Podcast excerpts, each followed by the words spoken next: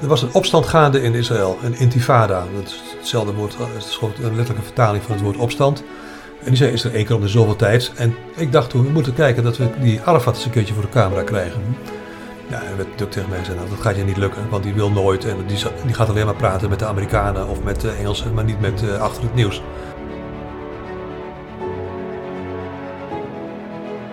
Een keer had Mick Jagger gevraagd en die zei, ja, dat, dat kan zijn dat je daar creatiever van wordt, maar je moet wel een sterk lichaam nodig, want je moet er wel tegen kunnen.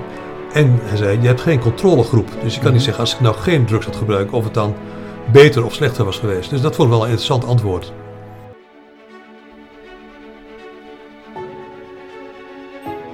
Je hoort Jan van Loenen, die 44 jaar als verslaggever heeft gewerkt.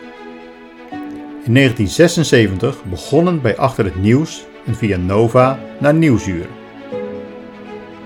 In die tijd heeft hij ruim 2000 reportages gemaakt.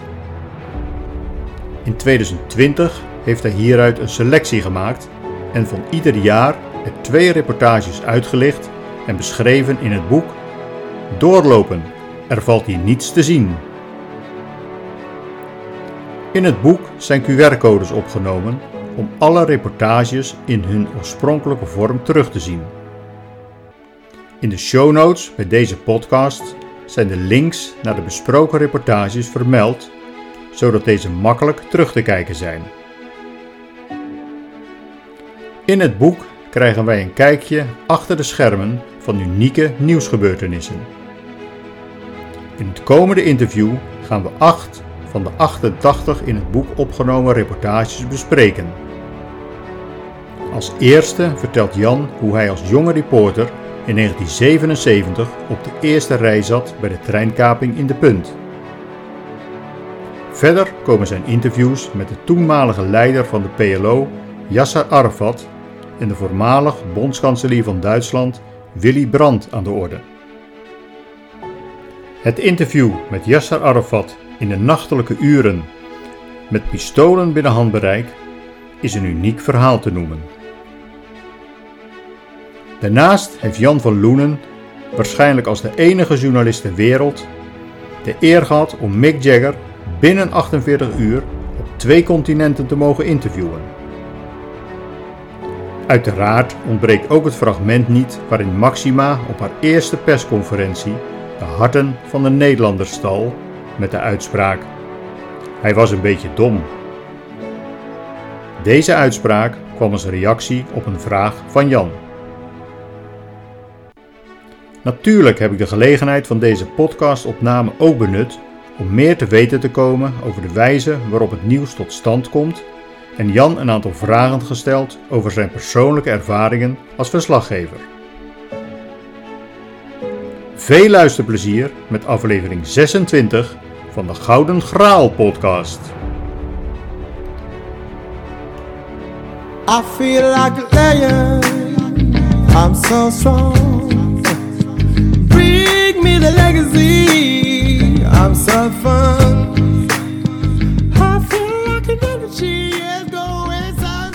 We zitten vandaag in uh, Hilversum. We zijn te gast bij uh, Jan van Loenen. Jan, bedankt ten eerste voor de, voor de koffie en voor het accepteren van de uitnodiging. Meer dan graag gedaan. Ik uh, heb al eventjes rondgekeken natuurlijk in je, in je woonkamer. En je hebt zelf al ook een kleine toelichting gegeven over een aantal foto's met, met herinneringen zeg maar, die, er, die er hangen. een aantal die komen ook nog terug in het, in het interview. Een van de mooiste vind ik toch wel die met, ik kijk er nu toevallig recht tegenaan, met Keith Richards. Ja. Ook nog met nonchalant nog de, de sigaret nog in zijn handen. Ja, en een dolk had hij bij zich. Ook, als een vervaarlijk uitziend mm persoon.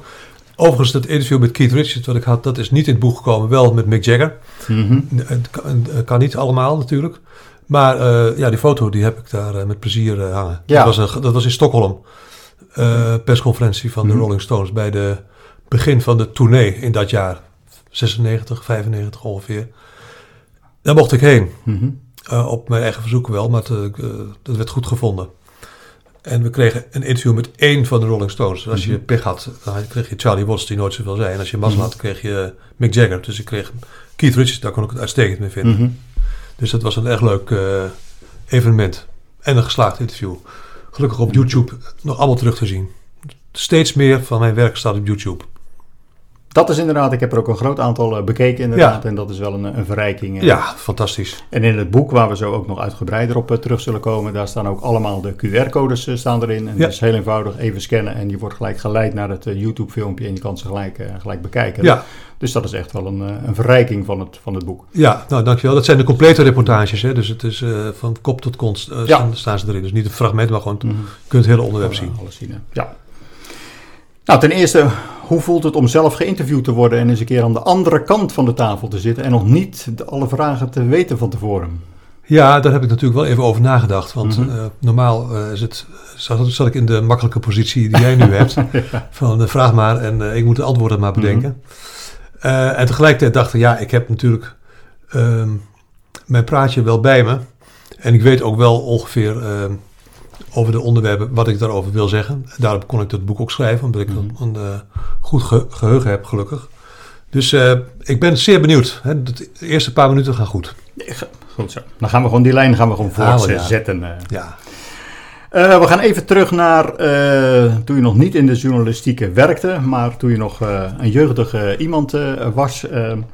wat trok jou daarin aan in de journalistiek? Nou, niet zozeer in de journalistiek, maar dat kwam eigenlijk uh, door het volgende. Ik ging altijd, ik woonde in Enschede, kijken als er in Enschede wat uh, gaande was. En dan bedoel ik niet een uh, koninklijk bezoek, maar meer ongelukken, explosies, fabriekspijpen die werden neergehaald van fabrieken die gesloten werden. Daar gingen we altijd naartoe, branden, met een paar vriendjes op de fiets. We hoorden de sirene en we fietsen zo snel mogelijk mm -hmm. achter de ambulances aan. En de, dus sensatiebelust, maar ja, dat zijn jongetjes, ik was toen tien. 9. En de politie zei altijd tegen ons: jongens, doorlopen. Je valt hier niets te zien. Mm -hmm. en terwijl in de vette stond een huis in brand. En we zeiden: nou, er valt juist wel heel veel te zien. Dus ja. daar willen wij heen. Nee, nee, nee, nee, nee, opgehopeld. Mm -hmm. Jullie lopen alleen maar in de weg. Maar wij gingen elke keer toch wel kijken. En toen zag ik ook mensen die wel degelijk langs de linten liepen en langs de hekken die mm -hmm. waren neergezet. Toen zei ik, ja, die mensen mogen die dan uh, wel door. Dat is natuurlijk heel brutaal tegen de politie, mm -hmm. want het gaat mij natuurlijk niks aan. Zeiden ze, ja, dat zijn uh, journalisten en fotografen van de krant. En die moeten hun werk daar doen, dus die mogen er langs. Maar jullie zijn alleen maar nieuwsgierig, dus uh, ga dan maar weg. En toen dacht ik, kijk, dat bestaat, is dus gewoon een beroep. Je kunt dus branden naar branden gaan, opschrijven wat er gebeurt. -hmm. En dat is dus journalistiek. En zo klinkt het heel simpel, maar zo is het wel gegaan. -hmm. En uh, mijn moeder zei, nou dan moet je journalist worden. Want jij weet alles toch al beter altijd. Beter dan wat de krant schrijft over een botsing. Dus uh, ga het zelf maar doen dan. En je hebt het ook verwerkt in de, in de titel van je boek. Ja, de titel is inderdaad doorlopen, er valt hier niets te zien. Dat werd ons uh, gezegd. En, en ik dacht, nou ja, dat is een titel die in ieder geval opvalt. Mm -hmm. En uh, dat is wel de basis van mijn, uh, van mijn journalistieke interesse. Ja. Ligt daar. Er staan in het boek 88 reportages. dat begon in 1976 tot en met 2019. Ja. Ik heb er een, een aantal, 7 à 8 heb ik er geselecteerd om wat dieper op, op in te gaan. Het zijn interviews met bekende personen of de verslaggeving van, van grote gebeurtenissen, waar ik wat algemene vragen over zal stellen en ook over jouw persoonlijke ervaring als, als verslaggever. Ik wilde beginnen bij ook een van de, van de eerste hoofdstukken in je, in je boek in uh, 1977, de treinkaping bij de Punt. Ja. Nou, die heb je heel treffend uh, opgeschreven in je, in je boek. Uh, en ik wil je vragen om daar een, uh, een deel van voor te lezen nu. Oké, nou het staat vooraan in het boek inderdaad. Het onderwerp heet hier Drie weken in een caravan van de NOS. Treinkaping in de punt. Maandagochtend 23 mei 1977. Er klinken alarmsignalen op onze ANP-telex.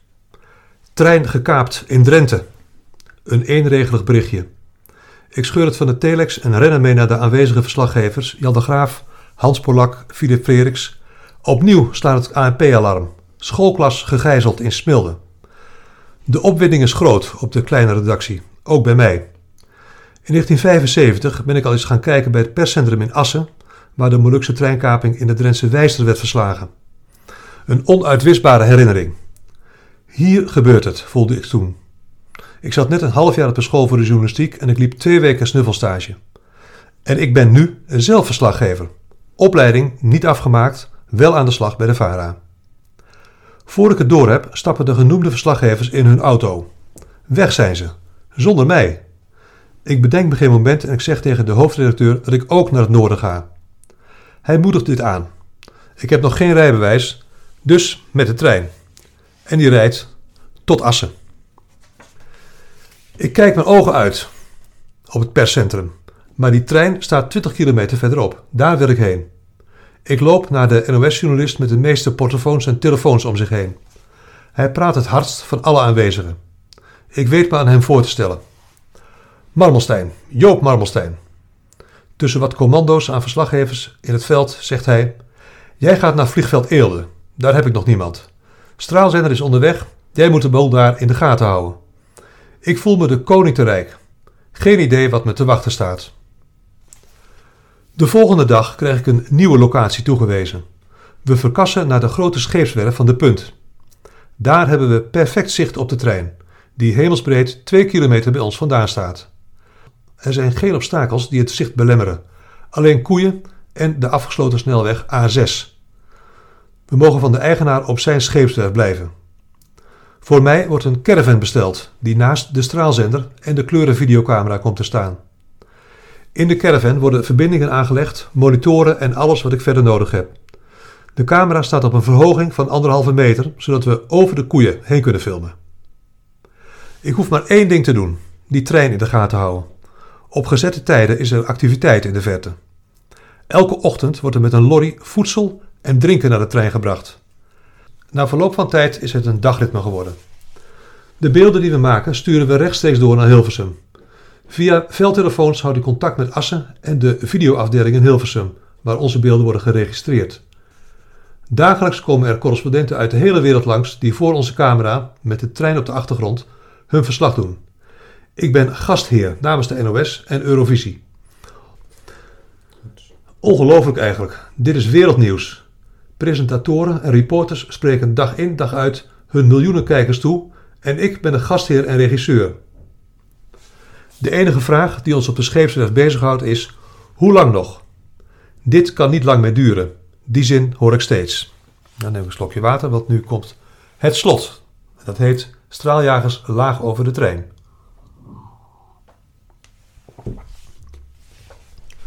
De volgende ochtend is het wel raak. Om zes minuten voor vijf is er een oorverdovend kabaal. Ik vlieg naar de camera die op het platform staat en zet hem aan. Ik weet inmiddels hoe ik hem moet bedienen. Ik schakel de straalzender in en bel Assen. Geen gehoor. En Hilversum. Daar is de Ampex-afdeling bemand. Ampex is de merknaam van de professionele videobanden die toen in gebruik waren. De banden lopen, mijn beelden worden geregistreerd. De camera van dienst, die in een hotel overnacht, kan niet meer bij mij op de scheepswerf komen. De hele omgeving is inmiddels afgezet. Ik kijk om me heen en in de monitor van de camera om te zien wat ik in beeld breng. Straaljagers vliegen heel laag over de trein. Er komt vuur uit de motoren. Er zijn felle lichtflitsen en continu explosies. Ik heb even het idee dat de trein gebombardeerd wordt. Ik sta moederziel alleen achter die camera. Het is een hels kabaal. Op mijn koptelefoon kreeg ik uit Hilversum aanwijzingen van enthousiaste beeldbandregisseurs. Er is geweervuur, geratel van mitrailleurs. Ik zie lichtpuntjes en vonken die van de trein springen. Het wordt licht. In de verte staan tientallen ambulances klaar op het viaduct boven de snelweg. De vliegtuigen zijn weg en na verloop van tijd houdt het schieten op. Uit de trein komen in het ochtendschemer figuren gelopen. Moeilijk te zien, maar het zijn er heel wat. Die hebben het in elk geval overleefd. De cameraman, inmiddels gearriveerd, heeft nu zijn camera overgenomen. Ik zie eindelijk de radiotechnicus weer. De radio mocht de bestorming van de trein en de voorbereidingen ook niet rechtstreeks uitzenden. Dat zou de Molukkers van de trein maar van pas komen. We kijken gezamenlijk naar het extra journaal dat om half elf wordt uitgezonden. Wat we ook zien, niet mijn beelden. Woedend belt de cameraman naar Hilversum. Wat is dit? schreeuwt hij richting Hilversum. De andere kant vertelt, na een kort beschaamd zwijgen, dat er een grote fout is gemaakt. De Ampex-technicus heeft de beelden van mij wel gezien op een monitor, maar niet opgenomen. Hij heeft per buis alleen de knop play ingedrukt, in plaats van beide knoppen play en rec. De afloop van de drie weken durende gijzeling is niet opgenomen. Een paar dagen later vier ik in mijn ouderlijk huis in Enschede mijn 21ste verjaardag. Jan, vertel eens, hoe was het bij de punt? Dankjewel. Ja. Je hebt al zo'n bekende stem. Uh, en als je dat nu ook nog zo voorleest, dan heb ik in ieder geval het gevoel, en ik denk de luisteraars ook, dat ze ook op de, op de eerste rij hebben gezeten toen je dit, dit opschreef en, en vertelde. Oh, nou, bedankt voor het compliment. Um, ik heb ook veel voor de radio gewerkt, dat scheelt ook. Dat scheelt ook inderdaad, uh, een hele duidelijke stem. Toen ik dit las, toen had ik eigenlijk uh, wel verschillende vragen, maar die toch het meest naar, naar boven kwam was, wat heb je tegen de technicus gezegd toen je die weer voor het eerst tegenkwam? Die heb ik, ben ik nooit meer tegengekomen. Die ben je nooit meer tegengekomen? Ik heb, uh, toen dat gebeurd was, ik was er wel verbijsterd over, mm -hmm. en, uh, maar ik dacht, nou ja, dat kan blijkbaar gebeuren. Mm -hmm. en in eerste instantie waren mensen om me heen veel bozer, want die zeiden tegen mij, ja, jij hebt ook risico gelopen en een, een losse van. Wij, het is een blamage voor het buitenland dat wij niet deze camera, er stond overigens nog een camera op die trein gericht, mm -hmm. vanaf de zijkant. Maar die stond veel ongunstiger. Die had een minder goede positie. Dit was echt de hoofdcamera. Mm -hmm. Dus ik heb uh, van de NOS later een brief gekregen waarin ik bedankt werd voor mijn uh, niet aflatende uh, ijver. Ik was toen 21 of 20, mm -hmm. hè, dus ik begon net. En ik dacht, ja, ik ga niet hier iemand toespreken die misschien wel twee keer zo oud is als ik en een fout heeft gemaakt. Want ja, dat kan gebeuren. Anderen zeiden hetzelfde als jij, van ja, je had hem wel eens even op mogen zoeken. Mm -hmm. nou, en dan moet ik zeggen, je hebt, je hebt een fout gemaakt. Je kan het ook niet meer terugdraaien. Onmogelijk. Er is nog wel één mogelijkheid, en daar ga ik binnenkort nog eens een keer werk van maken met een paar vrienden van mij. Dat uh, destijds begon er al, bestond er al wel satellietverbindingen tussen Europa en Amerika. Mm -hmm. Dat in Canada en in Amerika schijnt dit gebeurde, wat er nu hier gebeurde, rechtstreeks te zijn uitgezonden. Omdat het werd doorgezet daar naartoe. Okay. Dus in late avondprogramma's mm -hmm. uh, zijn daar fragmenten van vertoond. Niet dat ik dat toen wist. Mm -hmm. Ik heb dat ook nog steeds niet goed uitgezonden. Maar als dat nou uh, nog ook gearchiveerd is gebleven, ja. dan moet het beeld nog wel bestaan. Ja, ja, ja. Dus uh, ik ben nu met pensioen, dus kan ik nou eens misschien gaan uitzoeken. ja, nou ja, goed. Uh, het, het, was wel wat dat betreft natuurlijk een, een hele grote gebeurtenis die, die nu nog steeds bij de mensen wel in het, in het geheugen staat. Ja. Die treinkapingen. Ja, enorm. Enorm. En, en eigenlijk, dat is steeds weer in het nieuws geweest, omdat de behandeling van de Molukkers, inclusief de, het uh, neerschieten daarvan, mm -hmm. is natuurlijk uh, flinke discussie geweest. Ja. Ik heb me daar toen helemaal niet mee bezig gehouden. Mm -hmm. Ik was alleen maar bezig met hoe krijgen we de zaak fatsoenlijk in beeld en hoe komen de buitenlandse correspondenten in beeld. Maar ik heb natuurlijk met belangstelling gevolgd hoe die uh, Molukkers uiteindelijk erop hebben gereageerd. Klopt, ja. We maken even een sprongetje in de tijd. We gaan naar 1986, de Elfstedentocht. Ja. Je schrijft ook in je boek er waren toen 1500 perskaarten uitgegeven. En dat is meer dan voor een gemiddelde Europese top. Ja. Dat is toch wel heel bijzonder. Ja.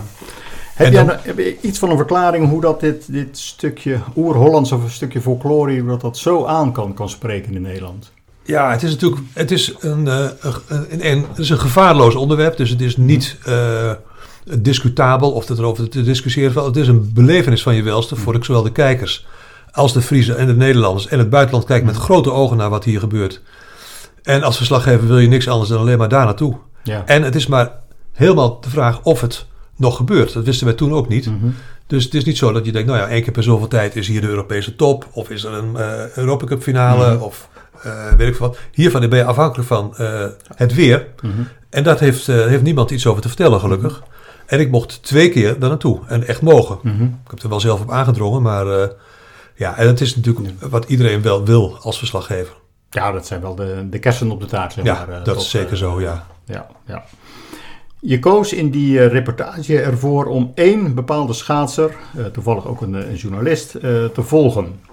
Is dat een beproefde methode om de, om de massa een, een gezicht te geven in een reportage? Ja, dat zeg je precies goed. Dat is een goede methode en je kunt het ter plekke doen. Dat mm -hmm. je denkt, we zoeken nu iemand op en die volgen we en kijken we, die ziet er leuk uit of dat, die spreekt goed. Mhm. Mm -hmm. Maar je weet niet van tevoren of je dat gaat vinden. En je moet wel iemand hebben die je de hele dag een beetje kan volgen. Dat was Mhm. al bijna onmogelijk, want mobiele telefoons hadden we niet.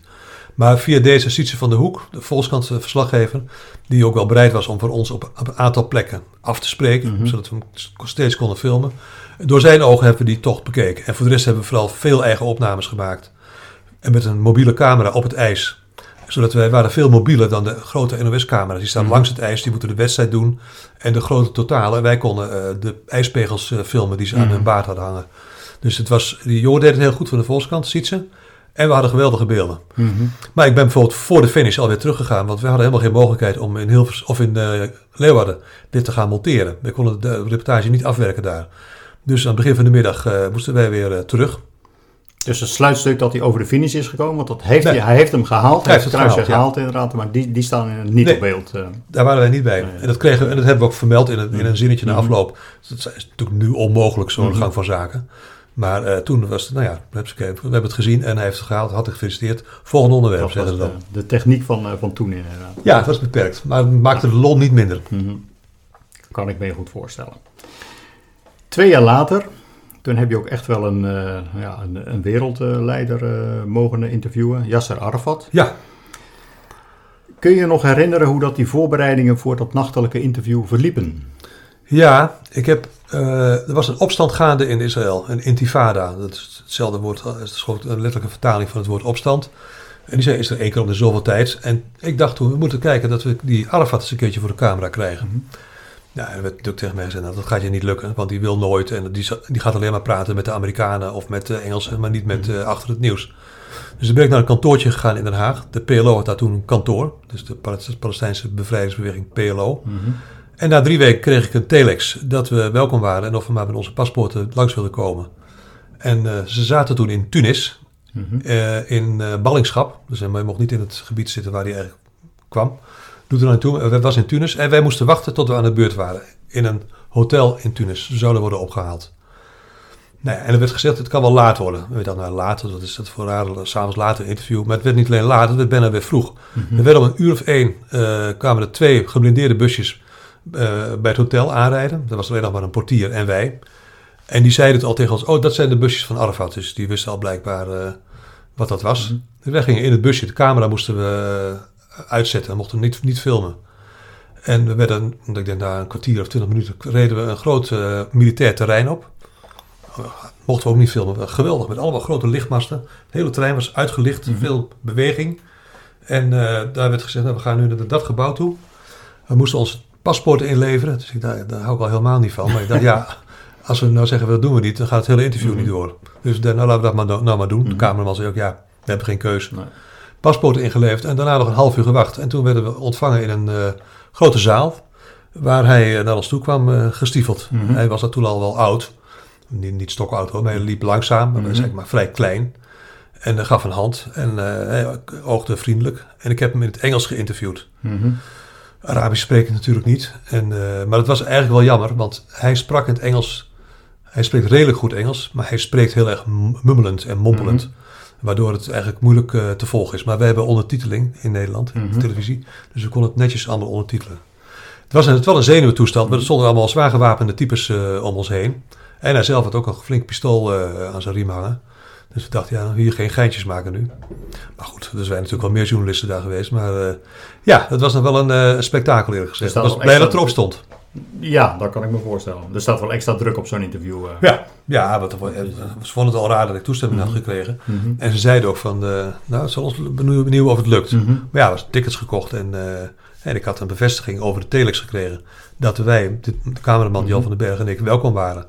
En dat we, als we naar dat hotel zouden gaan, zouden ze op die datum ons opkomen halen. Maar En ze hebben zich aan het woord dat hebben ze gehouden. keurig, ja, dat hebben ze netjes aan gehouden. Ja, ja. Zijn nu je eerste vragen in zo'n geval altijd inkoppertjes om het gesprek op gang te krijgen en dan langzaam aansturen naar wat je eigenlijk wil weten en hopelijk ook een, een scoop te, te kunnen scoren? Ja, weet je wel, weet je wel. Eh, met Arafat heb ik niet zoveel inkoppertjes. Maar ik heb wel gevraagd, eh, in een algemene vraag, eh, hoe de opstand op dit ogenblik verloopt. Mhm. Niet op die dag, maar in het algemeen. En eh, of, of, dat, eh, of, of daar nu ook een sprake is van een winst of een verlies. Ik heb wat, wat algemene, en dan kan hij in ieder geval iets zeggen over de inzet van die intifada. En later kom ik dan wel wat gerichter eh, over de Mhm. tactiek van de PLO. Over het geweld dat ze gebruiken. En de mensen die er niets mee te maken hebben, die Mhm. slachtoffer kunnen worden. Ja, dan raakt hij wel op stoom als je daarover begint. Want hoe moet ik me dat voorstellen? Als je nu in dit geval uh, Yasser Arafat uh, mag interviewen, krijg je dan van tevoren ook wel een bepaalde richting van de vragen die, die, je, je moet of mag, mag gaan stellen? Of bedenk je die altijd zelf in dit soort gevallen? Ja, ik heb het, wel, het meeste wel zelf bedacht. Mhm. Het is ook weer niet zo ontzettend ingewikkeld.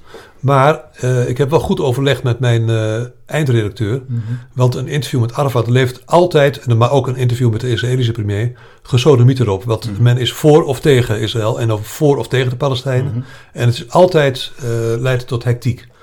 En de bedoeling was nu dat ik zo'n interview zou maken waarbij die hectiek niet los zou komen. Want dat zou me afleiden van, van de inhoud.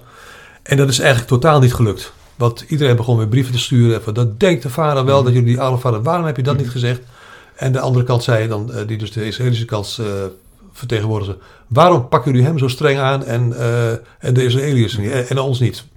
Dus het is eigenlijk nooit goed. Het is hem nooit goed nee. doen. nee. Ook hier geldt weer in dat het op YouTube het uh, hele interview uh, terug te zien is. Dus ik zal ook de, de link zal ik in de ah. show notes uh, erbij schrijven. Oh ja, hier uit het boek bedoel je, ja. ja, uit ja, het boek inderdaad, daar ja, kan ik de links erbij zetten. Dus de luisteraars die kunnen dat dan even aanklikken en die kunnen dan het, het interview terugkijken. Ja, ondertiteld en wel. Ondertiteld en wel, ja. Heb je ook wel eens het gevoel gehad dat je gebruikt werd om bepaalde informatie de wereld in te, in te krijgen? Ja, heel vaak eigenlijk mm -hmm. wel. Iemand, ze vertellen iets en dat is dan omdat zij dat via ons aan het publiek willen laten mm -hmm. weten. Dus dat doet Arafat, maar dat, de, dat doen de Nederlandse ministers natuurlijk mm -hmm. ook. Dus eigenlijk, uh, wij doen verslag van wat mensen te, te, vertellen hebben, maar dan moeten ze het wel eerst vertellen. En dat, dat zou je nog voor een deel nog uh, propaganda kunnen noemen. Ik vind het over het algemeen ook wel redelijk informatief, omdat je daarna vragen kan stellen over wat ze net verteld hebben. Mm -hmm. Dus ik vind wel dat je ze eerst hun boodschap moet kunnen laten vertellen en niet na één minuut al gezegd, ja maar uh, vorige week zei u nog dat en dat. Dat is een, momenteel wel erg in. Ik ben daar niet zo heel erg voor om er zo bovenop te zitten. Maar ja, je moet natuurlijk wel kritisch blijven en je moet uh, je goed uh, verdiepen van tevoren. Als je zo'n belangrijk interview doet. Dat, dat was dit. Ik kan je ook nog bij het monteren van die reportages er een bepaalde draai aan, uh, aan geven door bepaalde stukken weg te laten. Ja, nou, dat is mm -hmm. natuurlijk de, de essentie van ons werk. Mm -hmm. Ik neem zeg maar het interview met Arfad, om dat nog maar even erbij te houden. We nemen ongeveer denk ik 20 minuten op, 20, 25 minuten.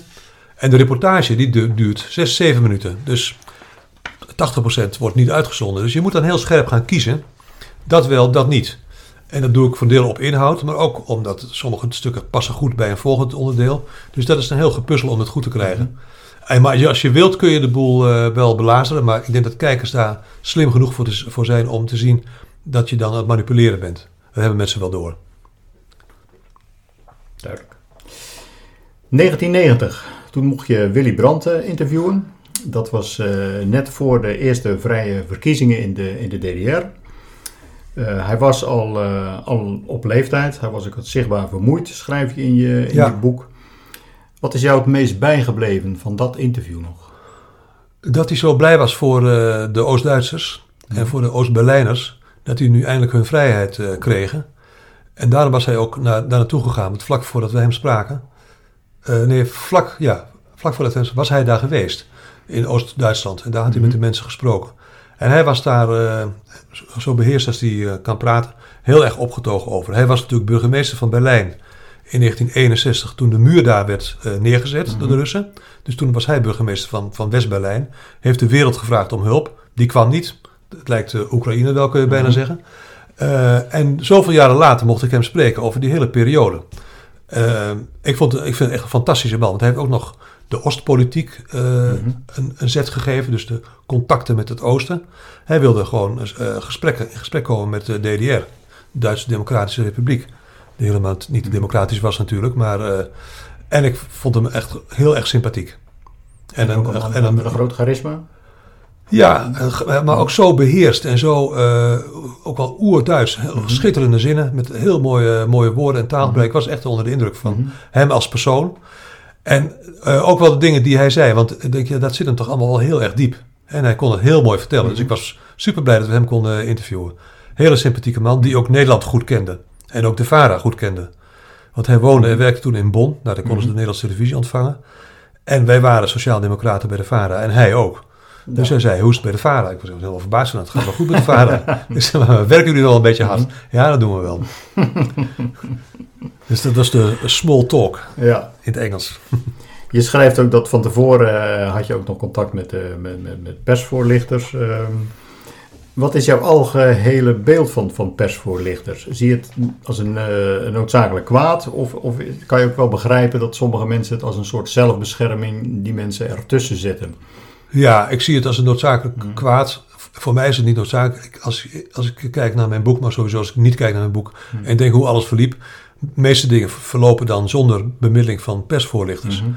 Toen met Arafat uh, bemoeide zich, zich niemand met de inhoud. Alleen werd ons gezegd, wees een beetje voorzichtig, want hij is oud. Hij is eigenlijk ook wel een beetje ziek. -hmm. Dus doe maar een beetje rustig aan met hem. Dat is, vind ik dan een hele positieve rol van een, mm -hmm. uh, van een persvoorlichter. Tegenwoordig wordt heel erg op die mensen afgegeven. Dat ze alles nog wat uh, willen bepalen. Maar ja, als je als journalist zegt, nou, jullie gaan er niet over, maar je, je, vertelt maar wat. We gaan toch niet jou interviewen, maar de minister mm -hmm. of het Kamerlid of een burgemeester. Ik ben altijd wel voor dat je, met, dat je die mensen moet gebruiken uh, waar je kunt. Dus je moet er geen ruzie mee maken, maar zorgen dat je goed contact met ze hebt. Zij komen niet in de uitzending, dus het publiek heeft er helemaal niks mee te schaften. Is jou ook wel eens gevraagd van tevoren uh, om bepaalde onderwerpen niet aan te snijden? Uh, dat moet ik eventjes over nadenken. en het dan toch doen, bedoel je? Nou ja, of het onderwerp dan niet benoemen, omdat je anders bang bent dat je dan... Uh, dat ze weglopen. Dat ze weglopen bijvoorbeeld, ja. Ja, dat is mij niet overkomen. Mm. Dat gebeurt wel meer, dat gebeurt wel in de studio. Mm. Daar uh, zijn wel eens mensen weggelopen en wordt gezegd, daar beginnen we niet over. Want kijk, bij een opname met een camera erbij kunnen ze altijd zeggen, nou ja, daar praten we niet over. En als ze dan zwijgen, ja, dan kun je het ook niet uitzenden. Mm -hmm. Dus ik heb, maar, ik heb niet vaak meegemaakt uh, dat we erop lieten aankomen. Eens even kijken. Ja, ik heb natuurlijk ik ben wel in discussie gegaan met, uh, met ministers. Onder andere met minister Tuinman, die was toen minister van uh, Landbouw en Bossen, Natuur. Mm -hmm. Die liet de A27 verbreden in 1987. En die praatte dat allemaal goed. Ah, dat maakt toch niks uit. Toen was ik eigenlijk bijna een soort actievoerder om hem zo daarover te interviewen. Mm. En zei de voorlichter laten, ja, maar daar zouden we het niet over hebben. En toen zei ik, ja, maar daar kom ik natuurlijk speciaal voor. Ja, maar je zou die vraag niet stellen. Nou ja, uiteindelijk liep dat ook weer met een sisser af. Mm -hmm. dus, Hebben ze soms ook nog wel de, de macht, zeg maar, die, die persvoorlichters om achteraf te zeggen uh, van we gaan het niet uitzenden? Of is dat meer bij de, de geschreven interviews? Nee, dat mag, dat mag je eigenlijk niet doen. Uh, want je kunt niet van tevoren iets verbieden. Dat mag mm -hmm. ook de overheid ook niet doen. Je mag wel uh, zeggen, nou we hebben liever niet dat je dit uitzendt. Een voorbeeld daarvan is minister Van der Broek van Buitenlandse Zaken, die ooit aan ons vroeg om een onderdeel van, van Achter het Nieuws niet te laten zien. Dat ging over de, de rel die Rudy Karel had veroorzaakt met het gooien van ondergoed naar de Shah. Mm -hmm. En daar was in Iran een geweldig tumult over ontstaan. Er was de ambassade van Duitsland was bestormd. En Van den Broek belde naar de uitzending en die zei... willen jullie dat onderwerp, althans die scène, niet laten zien? Want wij zijn bang dat Nederlanders dan schade wordt berokkend. Mm -hmm. Dus dan wordt er een beroep gedaan op ons om iets niet te laten zien. Dat hebben wij toen uh, ook niet gedaan. Mhm. Mm -hmm. Want de eindredacteur Paul Witteman zei... Ja, als ik dat wel had laten zien en er waren dooien gevallen, nou, dan had je het achter het nieuws op kunnen heffen. Dus ja. uh, dat gebeurt gelukkig maar weinig, want je zit natuurlijk hartstikke klem. Als, als je iets wel doet wat levens kost, ja, wat is, dan is, de, dat is, dan is een journalistieke reportage is echt onbelangrijk daarmee mm. vergeleken. Ja. Dus dat is eigenlijk nog wel een voorbeeld. Okay. Is een verschil van status van invloed op jouw vragen en het verloop van, van het gesprek? Ik bedoel, als je echt een, een hoogwaardigheidsbekleder uh, geïnterviewd uh, hebt in het verleden.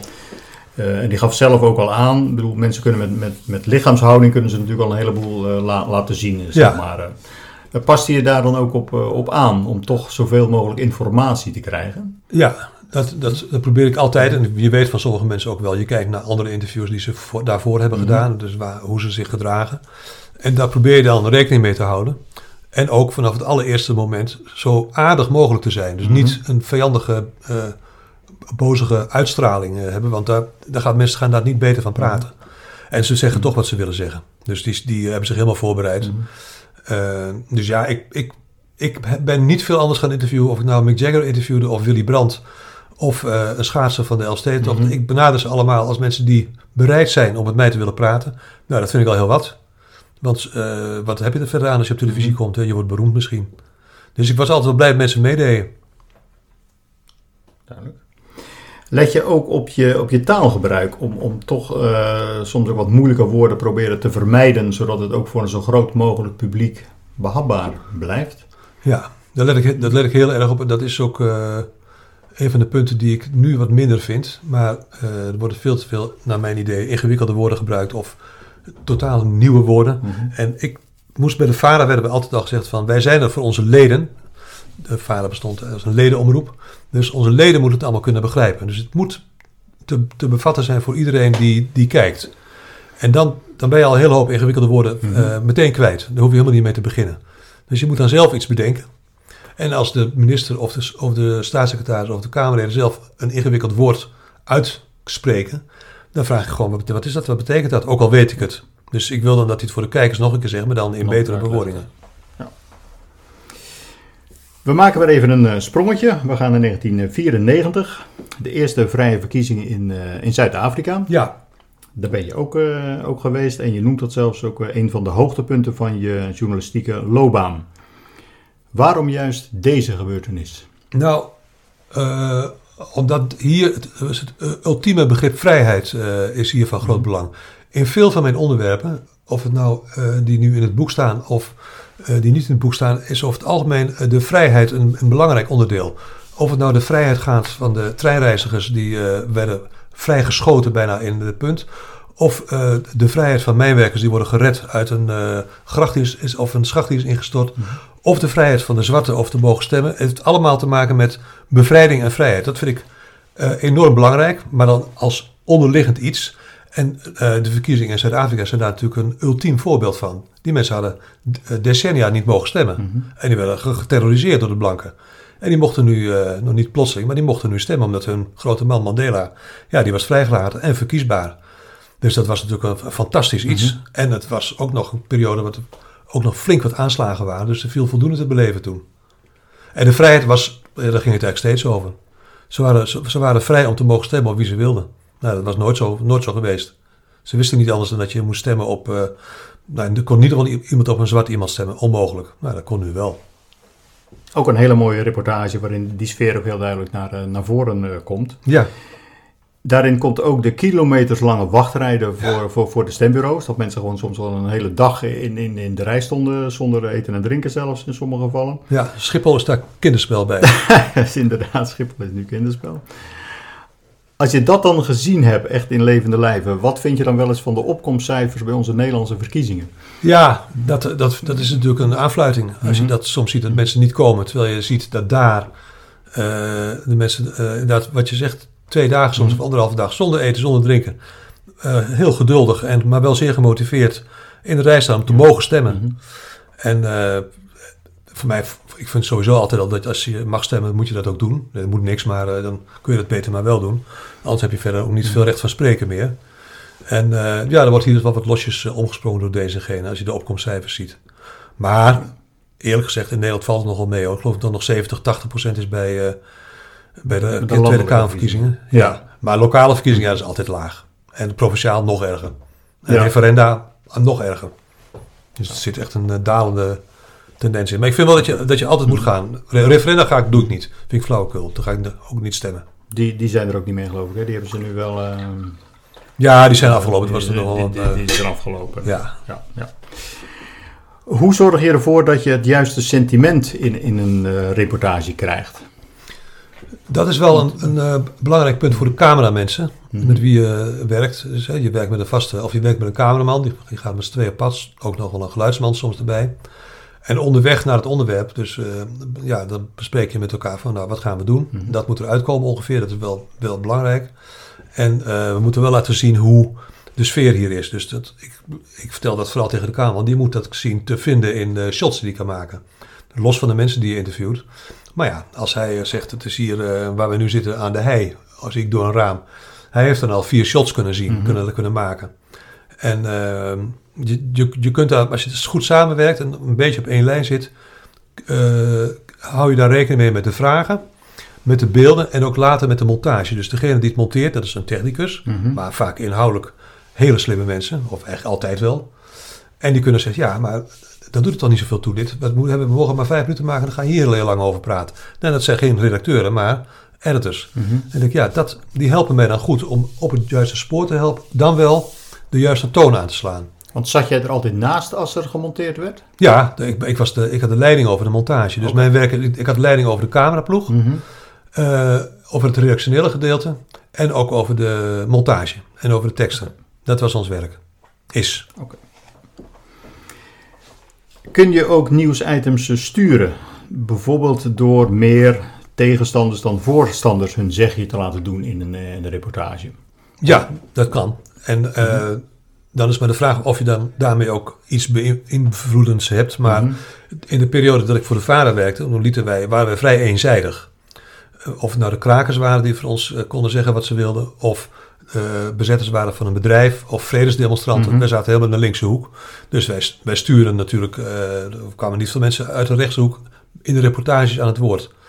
Dus de vraag of het publiek daar zich iets van is aangetrokken, ik denk eerlijk gezegd niet. Dat was voor hen natuurlijk wel zo doorzichtig. Omdat de kijkers ook vanuit die, dezelfde richting kwamen. Ja, dus ik ben blij dat we later, mhm. de afgelopen twintig jaar, uh, veel neutraler zijn gaan uh, opereren. Mhm. Waarbij je nog even goed wel heel kritisch kan blijven, maar dan wel naar alle kanten. Maar het werd in het begin werd er wel uh, ja, echt, echt partijdig. Dat je denkt, ja. klopt gewoon niet. Want ik, ik, herinner me ook een stuk uit het boek van, van Joris eh, Luijendijk, toen hij correspondent was in het Midden-Oosten. Dat hij ook zei van, uh, nou, er was een, een, opstandje waar ook wat, eh, wat vlaggen verbrand werden. Uh, en als je dat natuurlijk op een bepaalde manier in beeld brengt, dan lijkt het alsof de hele regio zeg maar, in brand staat en iedereen aan het demonstreren is. Terwijl in dat boek vertelt hij van, het waren eigenlijk maar 10, 15 mensen. En als je het shot breder had gemaakt, dan had je gezien dat het alleen maar die 15 mensen waren geweest. Maar dat is altijd zo. Als je mhm. kijkt naar een staking, dus dat is maar één bedrijf wat staakt en 99 andere bedrijven niet. Mhm. Dus je kijkt altijd als journalist naar wat er uh, gebeurt. En hoe, hoe meer het afwijkt van het normale, hoe interessanter het mhm. is.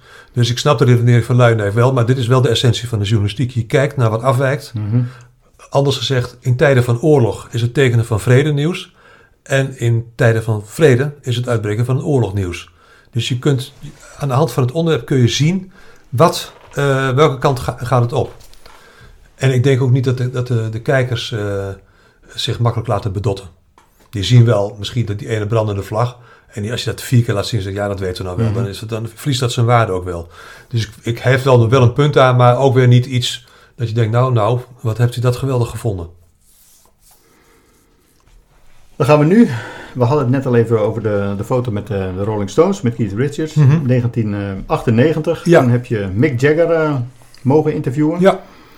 Uh, ik denk wel dat jij de enige journalist bent die dat binnen 48 uur op twee continenten heeft, uh, heeft gedaan. Ja, dat mag ik wel zeggen, ja.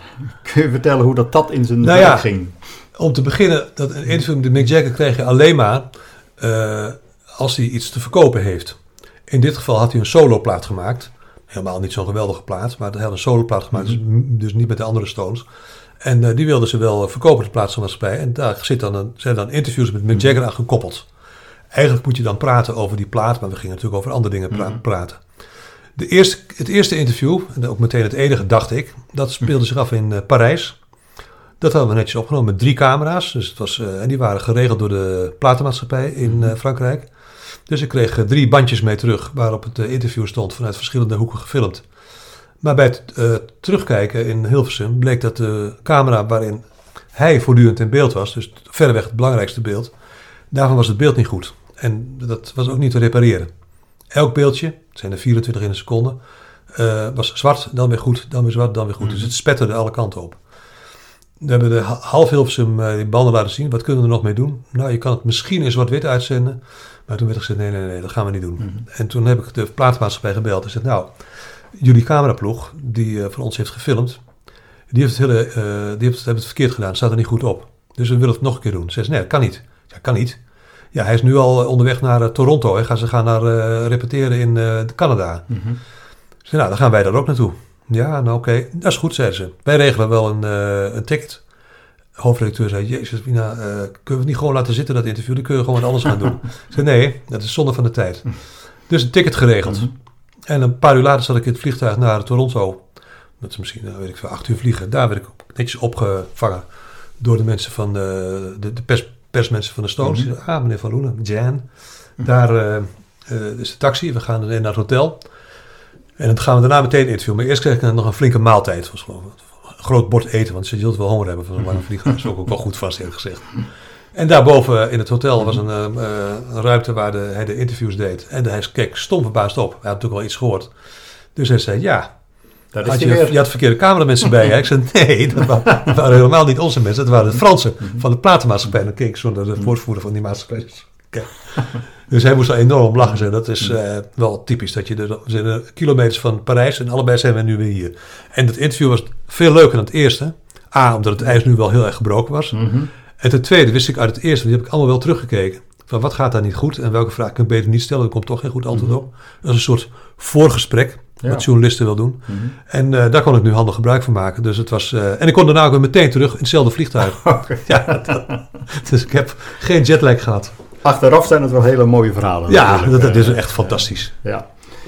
Uh, wat je noemde het net al, het was ter, ter promotie, dus, dus de platenmaatschappij die, die was er ook uh, wel goed bij, bij betrokken. Ja. je zal vast niet de, de enige geweest zijn op die, op die, die dagen dat die interviews heeft gegeven. Nee, voor Nederland wel hoor, voor Nederland wel. Voor, voor Nederland wel ja, inderdaad, maar de internationale... Nee, die, gaat, die begint, ze beginnen met de Amerikanen en met de Engelsen, dus... Uh, dan kan ik me ook voorstellen dat het natuurlijk, als je de zoveelste in de rij bent, dat je ook wel iets, iets wil hebben, speciale vragen om zeg maar door het routinepanzer heen te breken. Want als hij zes keer dezelfde vraag krijgt, dan wordt, uh, dan wordt hij uh, verveeld en dan komt het ook niet goed over, denk ik. Ja, ik vraag ook niet van, uh, moeten jullie eens een keertje stoppen? Of wordt het mhm. jullie laatste tour? Of, ik had wel één mhm. ding uit het eerste gesprek wat dus uh, niet goed is opgenomen, maar wat ik wel kon terugluisteren, opgepikt. Dat was dat hij heel goed kon praten over zijn contact met het publiek. Mhm. Hoe hij dat doet als, uh, als artiest. Als je voor, wat is het, 50, 60.000 man staat, uh, waar je dan op let bij de, de, mhm. eerste vijf minuten van een concert. En dan heb je tenminste één concreet iets. En hij kon daar heel enthousiast over vertellen. Dus het interview ging voor een deel daarover. Mhm. Ook wel over of hij nog wel door zou gaan. En hoe het is om uh, zo lang uh, die, die, nummers uh, te draaien. Maar, maar vooral zijn, het onderdeel waarbij hij keek naar het, het publiek. Mm -hmm. En waarbij hij ook uitlegde hoe het is om samen met een gastartiest een, een nummer te zingen. dat kan ook helemaal de soep inlopen. Dat legt hij ook heel leuk uit. Mm -hmm. Dus het was, in die zin vond ik het wel een heel grappig interview. Omdat het niet, niet zeer geëikt was. Dus, dus die, die, die, die beroemde mhm. vragen die heb ik allemaal niet gesteld. Nee, de, de, de gebaande wegen ben je, ben je nee. niet, niet, opgegaan. Nee, wat ik wel jammer vond, het, uh, dat wilde hij nu niet, herhalen. Bij het eerste interview in Parijs zei hij dat hij in de arena had opgetreden. Dat was ook zo. En dat hij zei, daar gaan we echt nooit meer optreden. Ik zei, hoezo dat? Zei, de akoestiek is daar echt idioot. Mm hij, was nog, hij werd dan bijna boos over. Hij zei, het galmt alle, alle kanten uit. Dus ik dacht, nou, daar kan ik er wel een persberichtje van maken. Want, ja, uh, dat wordt wel ja, gepikt. Het niet in de uitzending zitten. En uh, het was daarna ook vrij snel afgelopen. Met, hebben ze, doen ze met schotten. Ze kunnen, hebben nu goed opgepast, opgepakt. Maar daar staat hij ook wel flink over te, te mopperen. Okay.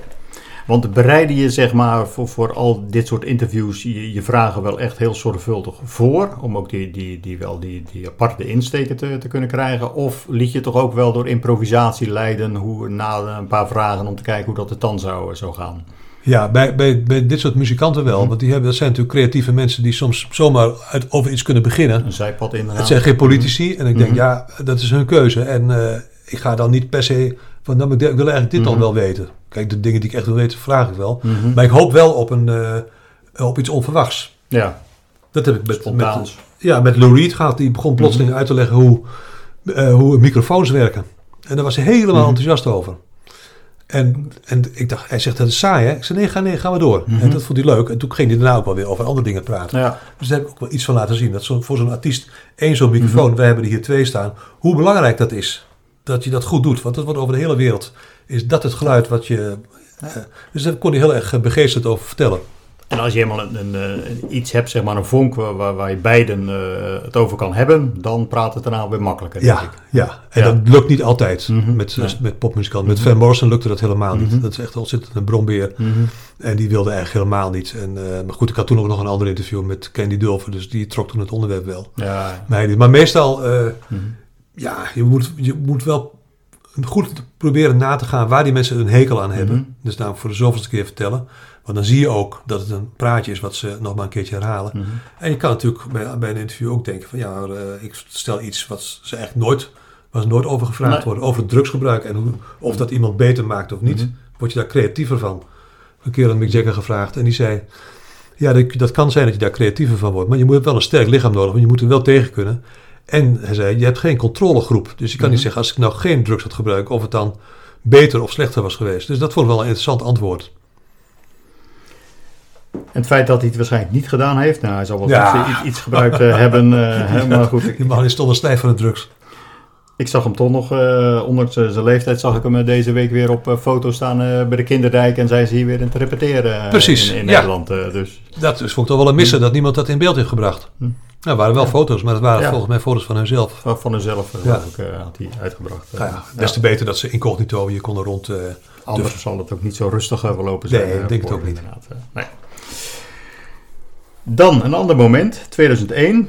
Ik zit hier ook nog tegen het, uh, het, nou, het is een soort schilderij boven, boven de deur uh, hangt het, uh, ja. waar, je, waar je op staat en met Willem-Alexander en Maxima.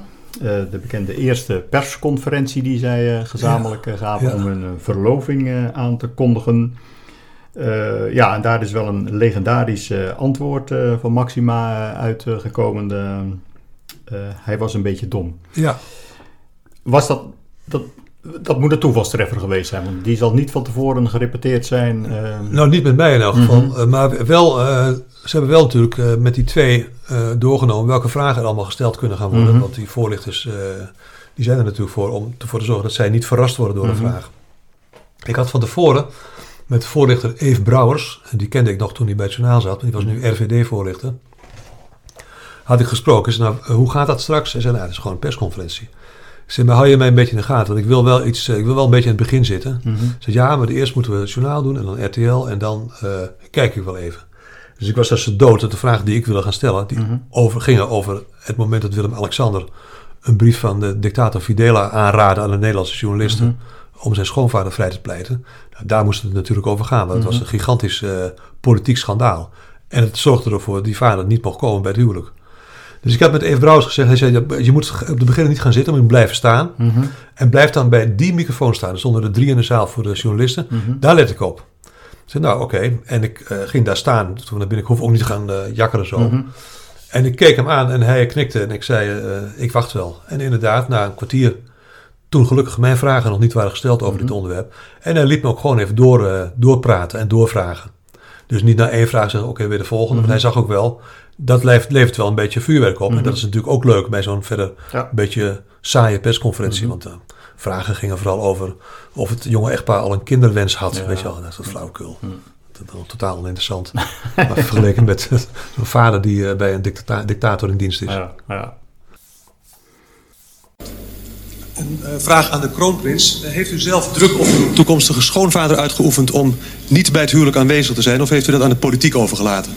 Heeft helemaal niemand druk op mijn aanstaande schoonvader uh, gezet om niet aanwezig te zijn. Het is een eigen beslissing geweest.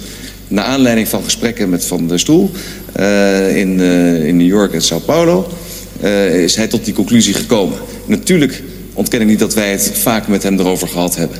Maar het is zijn zelfstandige beslissing geweest. En hoe gingen die gesprekken met hem erover? Was dat pijnlijk? Was dat zwaar ook voor uw aanstaande vrouw? Het is pijnlijk, meneer. Natuurlijk is het pijnlijk. Maar hij heeft uh, begrip voor de hele, uh, gevoeligheden hier in Nederland. En hij wil het allerbeste voor mij. En hij heeft zijn eigen besluit genomen. Het is geen eigen besluit. En duurde dat lang voordat hij zover was? Nee, natuurlijk wilde hij een goede besluit nemen.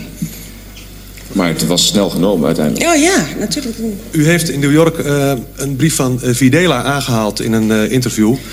premier Kok zei, dat had u beter niet kunnen doen. Hoe kijkt u daar zelf op terug op dat incident? Dat had ik beter niet kunnen doen, dat zegt u juist.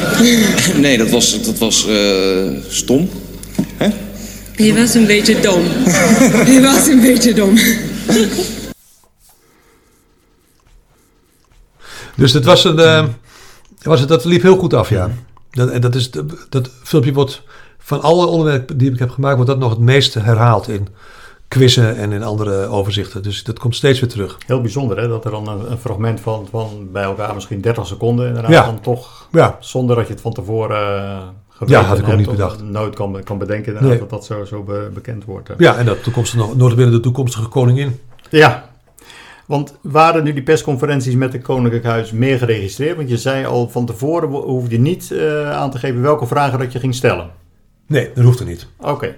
Want ik heb wel, het, wel eens het idee. Maar... Nou, dat, maar dat, dat is wel zo bij uh, als je een exclusief interview hebt mm -hmm. met bijvoorbeeld deze, deze twee. Dan wordt er wel van tevoren doorgenomen. En daar wel over, daar niet over. Dat zie je soms ook wel. Dan uh, wordt er toch over begonnen door bepaalde presentatoren. Dat zijn dan echt interviews die door nou, de bekende presentatoren worden gedaan. Mm -hmm. Eerst Maatje van Wegen en dan Paul Bitterman en nu Jeroen Pauw. En dan zijn er wel onderwerpen die niet aan de orde mogen komen. Ja, maar dat proberen ze dan toch, uiteraard. Uh, maar als je dat uh, een paar keer doet, dan zeggen ze, nou dan gaan we de volgende keer vragen wel iemand anders. Dan word je een beetje in de ban gedaan. Ja, hm. ja nou ja, in de ban, in ieder geval dan, uh, je, je, hoeft, je weet wel dat het, dat het, je moet het wel proberen, zodat het publiek denkt, waarom vraagt hij er niet naar? Dus je kunt dan wel proberen van tevoren met de voorzitter, nou, ik vraag er wel naar, ik snap wel dat er geen antwoord kan komen, maar ik kan het niet permitteren om niet te vragen, want dan denkt het publiek, wat is dat nou voor raar? Dat, dat is in het nieuws en daar wordt niet naar gevraagd. Dus, en dat moeten zij dan ook begrijpen. Dus als je het allebei volwassen aanpakt, kom je in heel eind. Want merk jij het ook als iemand mediatraining heeft gehad? Ja. Ja, die praten in hele eigenaardige clichés. Mm En uh, die, die, die praten echt, echt heel raar. En, het, en dat, dan denk ik, wat, wat, wat, is dit nou? Dat heb ik mhm. gisteren hoor ik een ander precies hetzelfde zeggen. Dan willen ze, in, dan willen ze het gesprek aangaan. En dan zijn dingen uh, zijn allemaal lastig. Of, eh, en al die, die, die woordjes, dan denk je, waar, waar hebben jullie het over? Ja, dat is een lastige. Mm -hmm. Zeg, wat is een lastige? lastig kind? Nee, een lastige vraag. Zeg, bedoelt u een moeilijke vraag? Ja, ja, ja. Nou, zeg dat dan. Niet alles is lastig. Of is, iets is spannend. Hebben ze je ook, ook, wel eens een keer gevraagd om, om een mediatraining te geven? Of heb je wel eens een keer zo'n zo cursus toch ook gevolgd om te kijken wat ze dan leren? Eén keer, moet ik toegeven.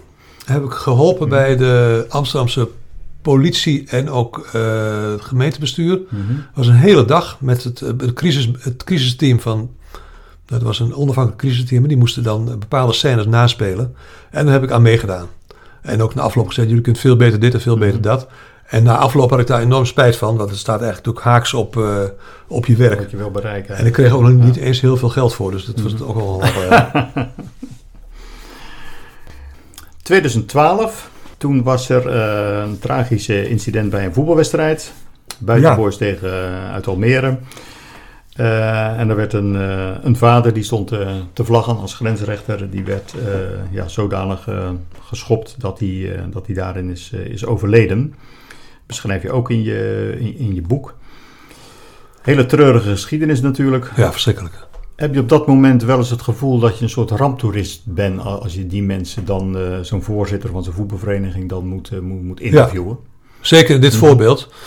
Want uh, we waren de hele dag bij de club. We wisten wat er gebeurd was. En er kwam wel, iemand van de politie kwam langs en die gingen we dan wat vragen. En uh, s'avonds zouden dan de ouders naar de club komen om met het mhm. bestuur te praten.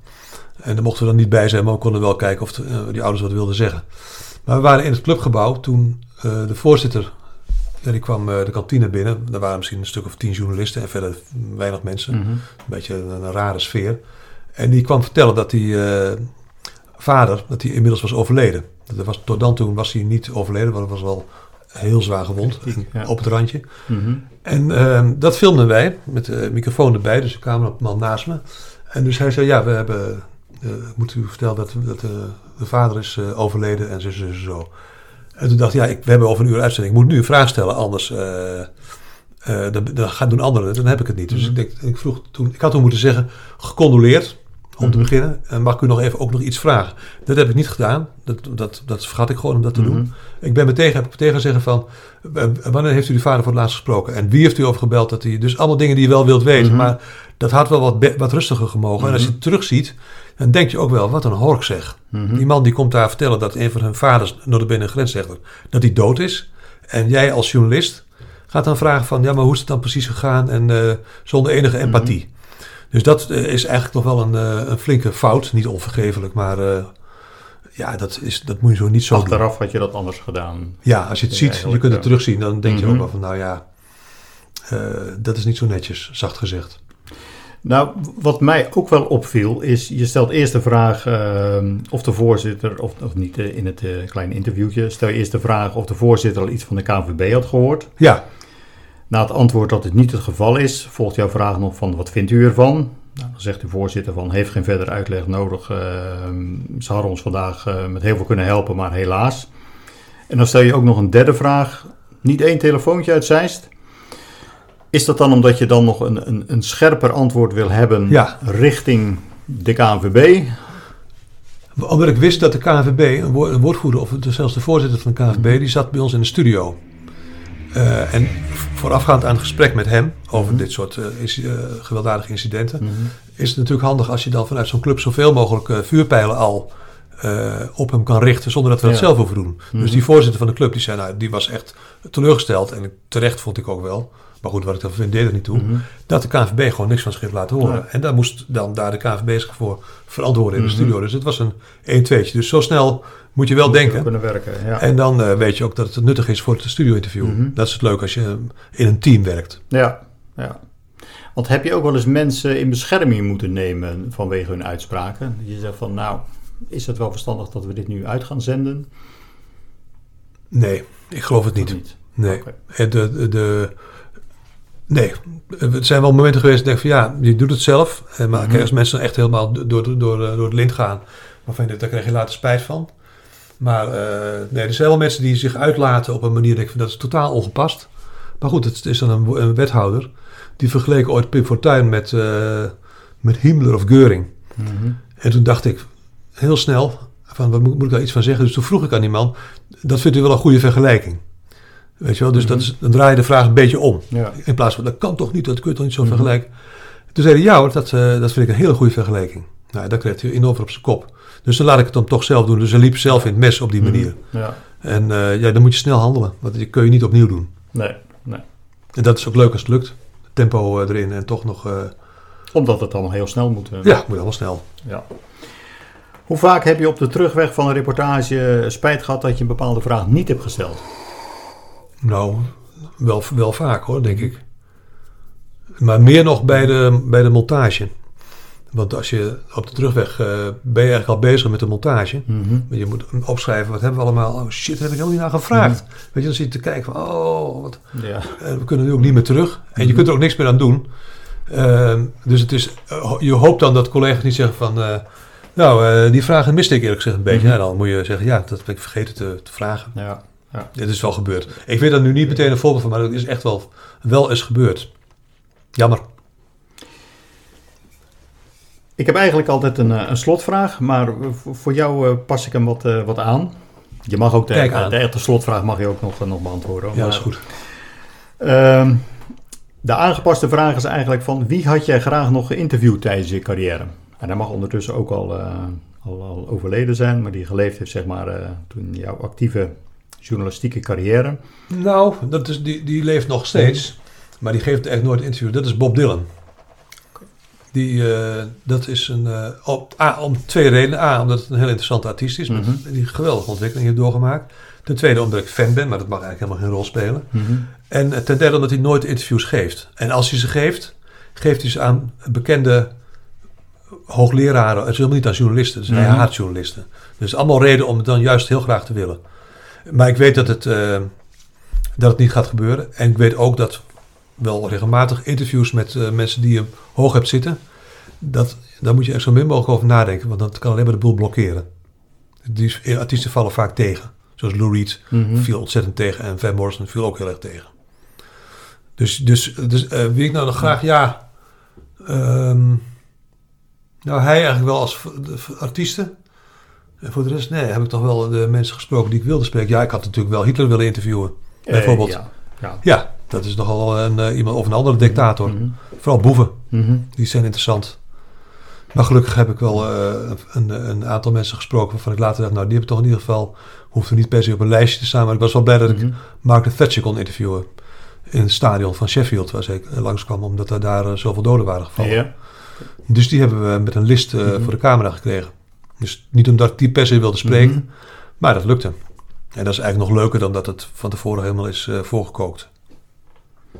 Als je nu op dit moment de gelegenheid zou hebben om eh, Poetin te, te interviewen, welke vraag zou je hem dan zeker stellen? Eh, hoe hij denkt dat dit gaat aflopen.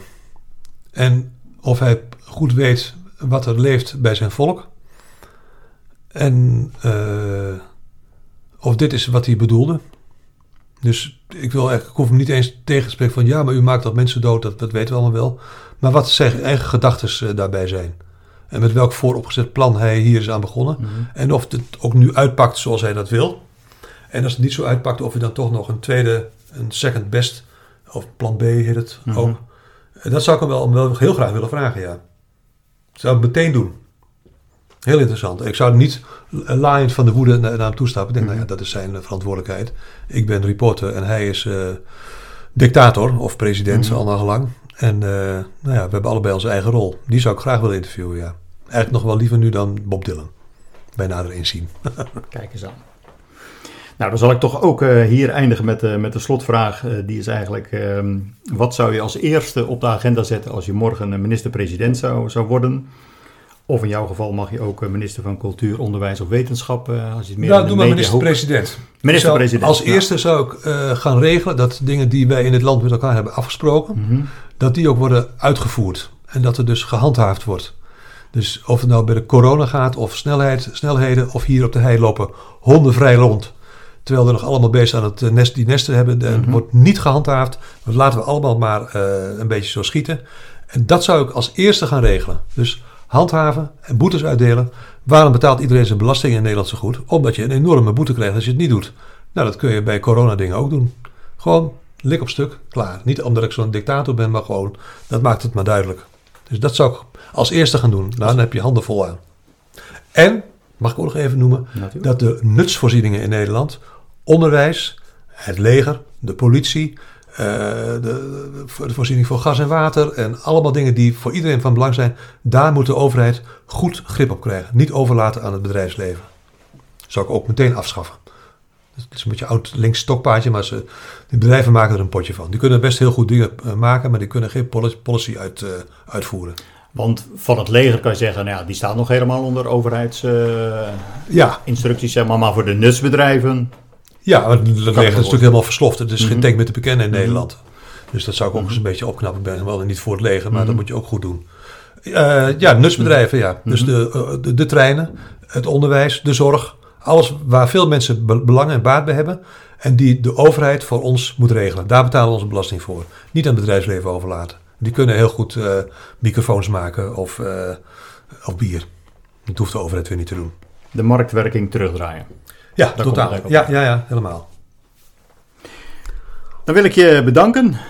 Nou, jij ook bedankt voor de moeite en eh, voor alle vragen die je hebt bedacht. Mooi. Vragen stellen is makkelijk, antwoorden is soms moeilijker. Ja, ja. maar goed, het zijn onderwerpen die me wel eh, op het lijf eh, zijn geschreven. Dus ik heb er die, die jaren toch wel, ik heb het nu 44 jaar gedaan. En gelukkig heb ik een paar jaar geleden dit boekje geschreven. of boek. En dat is wel een, dat is zeer geruststellend. Dat hoef ik dan niet meer te doen. Als iemand wil zeggen, wat heb je dan allemaal gedaan? Zo, Nou, hier, lees maar. En ik moet zeggen, het is, eh, het is maar een, een greep uit al de reportages die je, Ja. die, die je gemaakt eh, hebt. Maar het, eh, het leest heel makkelijk weg en het geeft ook vaak weer een gevoel van... oh ja, zo, zo zat dat. En Ja, zo, dat ja, waren die gebeurtenissen die toen een, een rol speelden. Dus je krijgt eigenlijk ook een stuk geschiedenisles. En eh, ja goed, je geeft het weer van, eh, van achter de, de camera, van achter de microfoon zeg maar. Dus dat inkijkje, dat, eh, dat is zeer aan te bevelen. Ja, ja. Het is geen beschouwing van hoe de journalistiek werkt, hoe, hoe omroeppolitiek werkt. Had ik ook wel kunnen doen, maar ik, dacht, ik moet het hebben over de dingen die kijkers hebben kunnen zien. Mhm. En nou ja, dat is natuurlijk het grote voordeel van verslaggever zijn. En ook een eervolle positie, als ik dat nog, toch nog even mag zeggen, dat je op pad gaat in opdracht van het publiek. De- niet, niet wat, zij moet niet zeggen wat ik ga doen, maar ik moet wel verslag doen, zodat zij weten, oh dat is gebeurd, want daar is een goede verslaggever naartoe geweest. Dat is de kunst. Een mooi einde van dit interview. Ja, Dankjewel. mooi zo, dankjewel.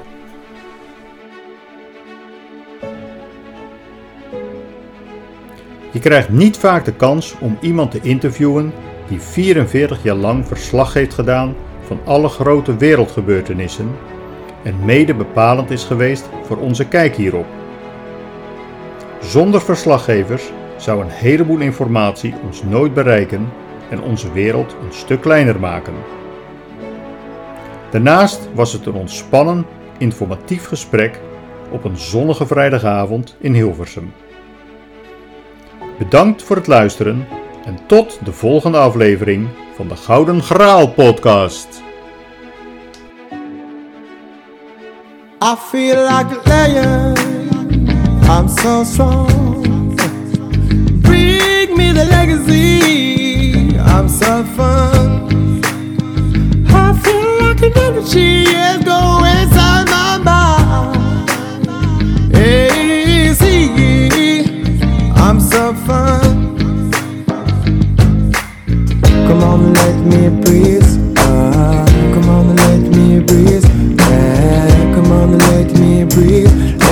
Give I'm noise.